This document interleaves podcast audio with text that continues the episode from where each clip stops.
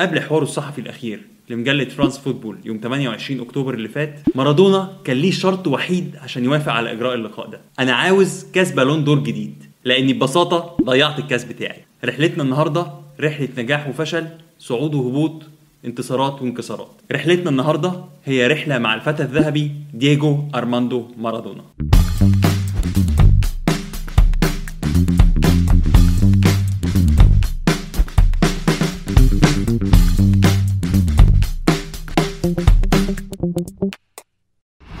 ازيكم في برنامجكم كورة شراب؟ ما تنسوش تعملوا لنا subscribe على يوتيوب like على فيسبوك إحنا موجودين على انستجرام وتويتر كورة شراب 16 لغاية سنة 91 فرانس فوتبول كانت بتمنح البالون دور لأفضل لاعب أوروبي. يعني مفيش لعيبة من أمريكا اللاتينية. وفي 95 المجلة العريقة منحت مارادونا بالون دور شرفية. عن مجمل مسيرته في الملاعب. لكن مارادونا عشان هو مارادونا ضيعها. فتى الارجنتيني الذهبي من أعظم من لمس الكورة. ولكن شخصيته خارج الملعب وتصرفاته المجنونة وشعبيته الرهيبة عالميا خلقت منه أسطورة الناس بتتابعها مطرح ما راحت دييجو مقاتل شجاع قبل ما يكون فنان وساحر. خرج من حي فيلا فيوريتو الفقير في بوينس آيرس. ما كانش ممكن يبقى حاجة تانية غير لاعب كرة قدم. موهبة مارادونا محدش قدر يتجاهلها. وهو عنده 16 سنة قدر يلعب للفريق الأول لارجنتينيوس جونيورز. وتم استدعائه المنتخب الأرجنتين وهو عنده 17 سنة بس. لكن تم استبعاده من القائمة النهائية قبل كأس العالم 78 كأس العالم اللي أقيم في بلده وده أثر فيه جدا وبكى بسببه كتير. اسم دييجو بدأ يتعرف بره الأرجنتين سنة 80 العالم كله بدأ يعرفه في مباراة قدام المنتخب الإنجليزي على ملعب ويمبلي. الصحافة الإنجليزية كتبت عن اللاعب اللي فضل محتفظ بالكرة دقيقتين و10 ثواني متواصلين. وده الماتش اللي حكى عنه مارادونا. وقال إنه كان قريب جدا من التسجيل بس ضيع فرصة كبيرة بعد ما تلاعب بالإنجليز. أخوه الصغير اللي عنده سبع سنين قال له بعد الماتش أنت شط بدري كان المفروض ترقص الجون.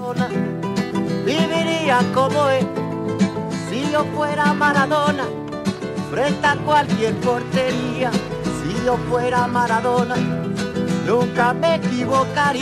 كأس العالم 82 في أسبانيا كانت البطولة اللي بيستناها مارادونا والجمهور الأرجنتيني كله. بس أداء منتخب التانجو خلال البطولة كلها ما كانش مقنع. خلال الدور الأول كله مارادونا اكتفى بهدفين في المجر وكام ترقيصة كده. في الدور الثاني اللي كان بيتلعب برضه على شكل مجموعات وقتها بتخسر الأرجنتين من إيطاليا وتبقى مطالبة بالفوز قدام البرازيل. بس للأسف الأرجنتين تخسر من البرازيل. ومش بس تخسر.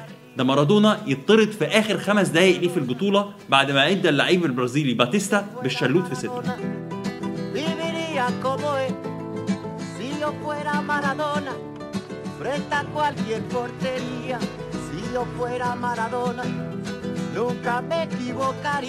مارادونا يروح بالبطولة من الباب الضيق لكن على الناحية التانية دييجو خطف أنظار برشلونة اللي دفع فيه مبلغ قياسي 7.6 مليون دولار. وفي موسم 83 قدام بلباو مدافع بلباو جويكو يعمل معاه فاول جزارين ويتصاب مارادونا بسببه ويقعد في البيت ست شهور. الموسم اللي بعده برشلونة يقابل بلباو في نهائي الكاس. جويكو يستفز مارادونا ويعمل معاه فاول تاني. الجماهير الموجودة في سانتياغو برنابيو تهتف ضده بهتافات عنصرية وتبتدي خناقة كبيرة جدا بعد الماتش. يشتبك فيها الفريقين. وكل ده قدام ملك أسبانيا خوان كارلوس و100 ألف متفرج. شلاليت وبوكسات زي خناقات الشوارع. ودي كانت آخر مباراة مارادونا في أسبانيا. عشان ينتقل بعديها بصفقة قياسية جديدة لنابولي. عشان يبقى اللعيب الوحيد لغاية النهاردة اللي يكسر الرقم القياسي للانتقال مرتين. بعد ما مضى لفريق الجنوب الإيطالي ب 10.5 مليون دولار. نرجع بقى لكؤوس العالم. كأس العالم 86 في المكسيك شهد قمة تألق مارادونا. إثارة متعة تشويق.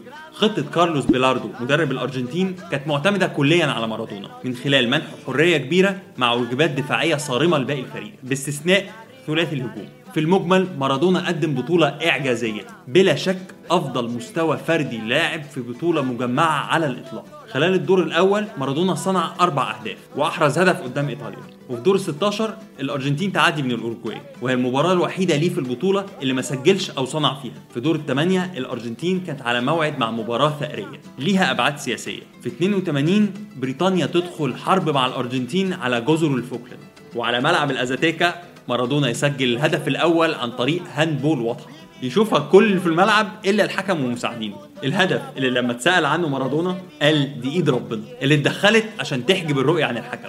وفي آخر لقاءاته قبل وفاته اللقاء اللي اتكلمنا عليه في أول حلقة مع فرانس فوتبول اتسأل مارادونا نفسك في إيه؟ نفسي أجيب جون تاني في إنجلترا بس المرة دي بإيدي اليمين. ودي كانت آخر أمنية ليه في آخر لقاء إعلامي قبل وفاته مارادونا عمره ما اعتذر عن الجون ده. بالعكس ده بيفتخر بيه جدا. والإنجليز عمرهم ما سامحوه وبيعتبروه غشاش. حتى بعد ما مارادونا مات بيتر شيلتون حارس إنجلترا قال إنه ما سامحوش. وقال انه عنده بعض من العبقرية ولكن ما عندوش أخلاق رياضية. مارادونا ما اكتفاش بالمساعدة الإلهية في الجون الأول. لكن بعدها بأربع دقايق سكت الاستاد كله من الذهول. الفتى الذهبي خد الكورة من نص ملعبه وب11 لمسة سحرية برجله الشمال يرقص خمس لعيبة انجليز قبل ما يوصل لشيلتون. وهنا يفتكر كلام أخوه الصغير في مباراة ويمبلي ويرقص شيلتون عشان يسجل أعظم أهداف كأس العالم على الإطلاق. هدف القرن زي ما الفيفا أطلقت عليه.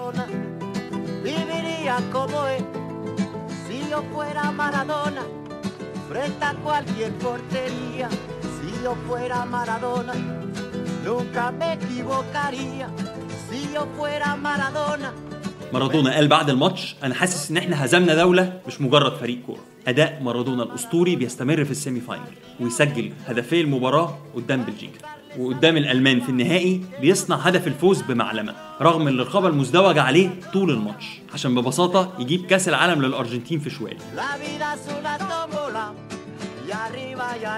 ويرجع بقى مارادونا لنابولي مارادونا اللي بيتحول لأسطورة المدينة الأولى وشكل مع جيوردانو وكاريكا ثلاثي هجومي خطير. أطلق عليهم ماجيكا وأصبح نابولي أول وآخر فريق من الجنوب يكسر هيمنة أندية الشمال الغنية يوفنتوس وميلان وإنتر. مع مارادونا نابولي فاز بلقبيه الوحيدين في الدوري 87 و90 ولقب أوروبي كمان متمثل في كأس الويفا 89 تاريخ بطولات نابولي الكبيرة كله كان في وجود مارادونا. ولغاية النهارده رقم 10 معلق في الفريق. ما يقدرش أي لاعب تاني يلبسه. وبعد وفاة مارادونا نابولي أعلن عن نيته في تغيير اسم ملعبه. من سان باولو لاستاد دييجو مارادونا. عشان يبقى تاني استاد يتسمى على اسمه.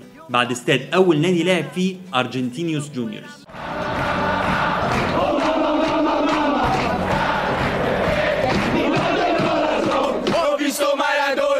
Visto Maradona.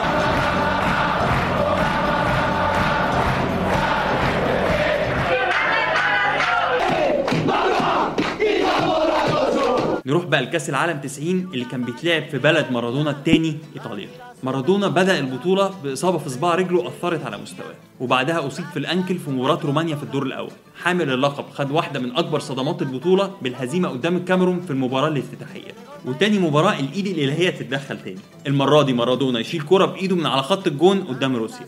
والتانجو ينجح في الفوز 2-0 في دور ال 16 assist مارادونا العبقري لكانيجيا خلص الماتش قدام البرازيل رغم سيطرة السامبا التامة على اللقاء. وفي دور الثمانية الحارس البديل جويكوتشيا يلعب دور البطولة ويتألق في ضربات الجزاء قدام يوغوسلافيا. والأرجنتين تعدي رغم إن مارادونا ضيع البنالتي بتاعه. وجه الماتش المرتقب semi final ما بين إيطاليا والأرجنتين. وعلى ملعب سان باولو في نابولي.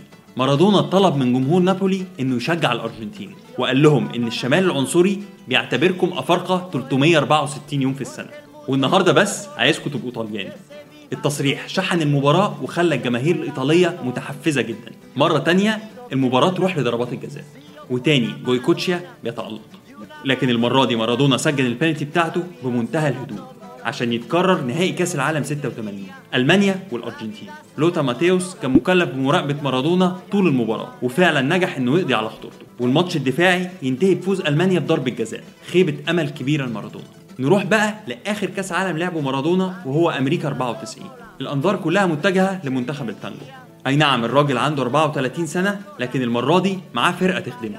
قدامه بيلعب كانيجيا والهداف باتيستوتا وبيحمي نص ملعبه العملاق ريدوندو والمقاتل دييجو سيميوني.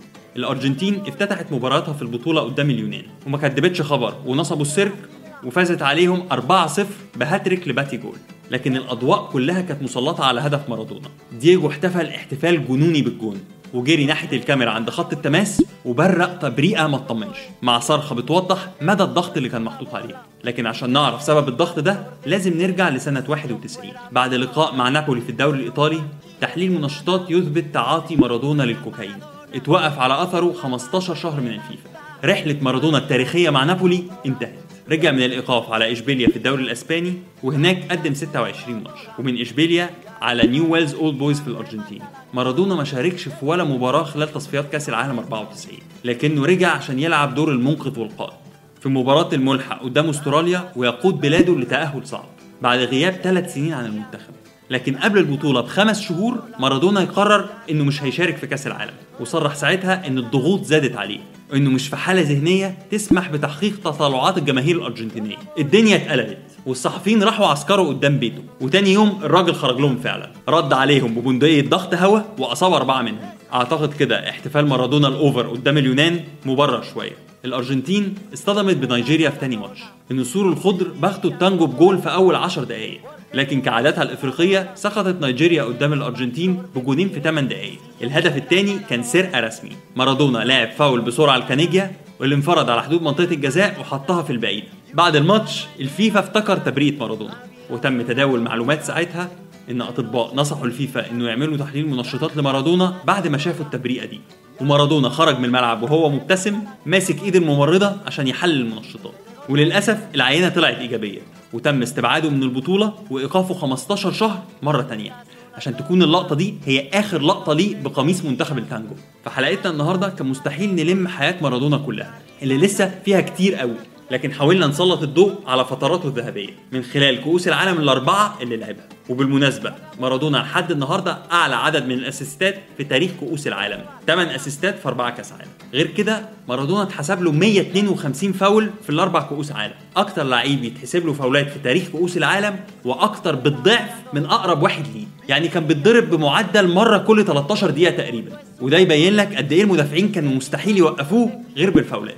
الحكايات والأرقام اللي عرضناها لكم في الحلقة دي الغرض منها إن اللي ما شافش وما عاصرش مارادونا يعرف قد إيه هو لاعب عظيم ولو أنت مش شايفه الأعظم فهو بلا شك هو الأكثر كاريزما وإثارة للجدل في التاريخ نشوفكم الحلقة الجاية وبرنامجكم كورة شراب remátala, esa. Llegó el maestro.